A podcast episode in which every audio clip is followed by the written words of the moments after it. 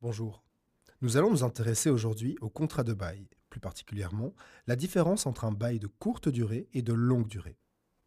Quelles sont les durées possibles? Pouvez-vous prolonger un contrat de bail? Pouvez-vous louer au-delà de 9 ans ou encore comment y mettre fin? Voici quelques-unes des questions auxquelles nous allons tenter de répondre dans ce podcast. Commençons tout d'abord avec les différents types de contrats possibles. De manière générale, il en existe deux, le contrat de courte durée et le contrat de longue durée. Pour le premier, la durée de location ne peut pas excéder 3 ans. Il est même possible de conclure un contrat pour une période d'un an, voire même de 6 mois. Alors par contre, avec un contrat de longue durée, la période de location doit être comprise entre 3 ans et 9 ans maximum. Toujours bon à savoir, si la durée n'est pas mentionnée dans le contrat, alors une période de location de 9 ans s'appliquera par défaut. Bien entendu, un contrat de bail peut être prolongé. Dans le cas d'un bail de courte durée, ce dernier peut être prolongé si la durée totale du contrat ne dépasse pas les 3 ans.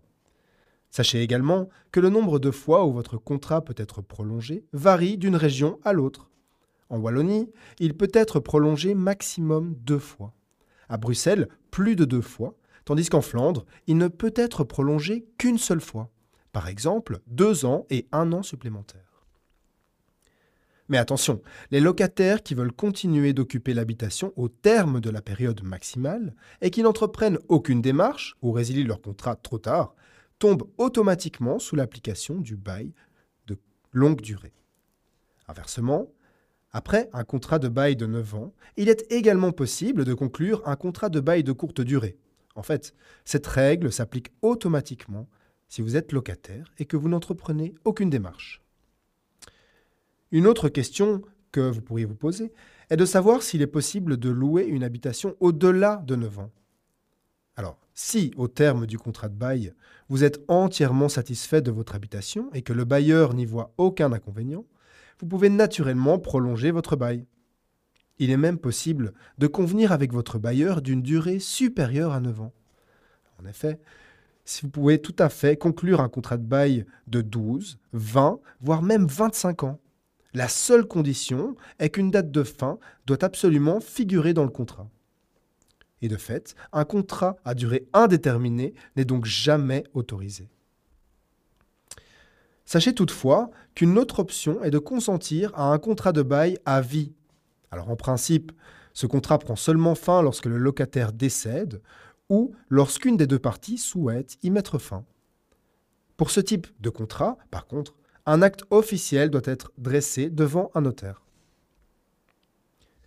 Bien évidemment, vous pouvez aussi décider de mettre fin à votre contrat de bail. Pour ce faire, il suffit d'envoyer une lettre de résiliation au bailleur au plus tard trois mois avant la fin du contrat, dans le cas d'une courte durée, et six mois dans le cas d'une longue durée. Sur blog.imoweb.be, vous retrouverez d'ailleurs un modèle type de résiliation de contrat de bail afin de vous aider dans vos démarches. Un autre point important, il est tout à fait possible de mettre fin à un contrat de bail de courte durée avant son terme.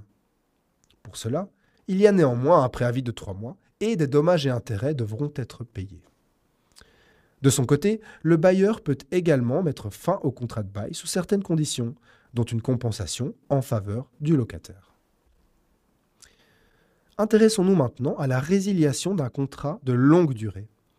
En tant que locataire, vous pouvez également y mettre fin. Dans ce cas, une période de préavis de trois mois et une indemnité seront appliquées. Détail qui a son importance, si la résiliation intervient la première année de location, l'indemnité s'élève à trois mois de loyer. Dans la deuxième année de location, elle sera de deux mois de loyer, etc. À noter qu'une résiliation qui intervient dans la troisième année n'entraîne aucune indemnité. Néanmoins, le délai de préavis de trois mois reste toujours applicable. Et en ce qui concerne le bailleur, il peut aussi mettre fin au contrat sous certaines conditions. Par exemple, s'il souhaite rénover le bien, louer ou le vendre. Enfin, lorsque vous concluez un contrat de bail, il est très important de bien vous informer sur les étapes à entreprendre, comme l'état des lieux ou encore le paiement de la garantie locative. Et voilà, vous connaissez désormais toutes les différences entre un contrat de bail de courte durée et de longue durée. Alors à vous de jouer. N'hésitez pas à visiter blog.imoweb.be pour de plus en plus d'informations sur la location ou sur l'immobilier en général. Merci beaucoup et à très bientôt.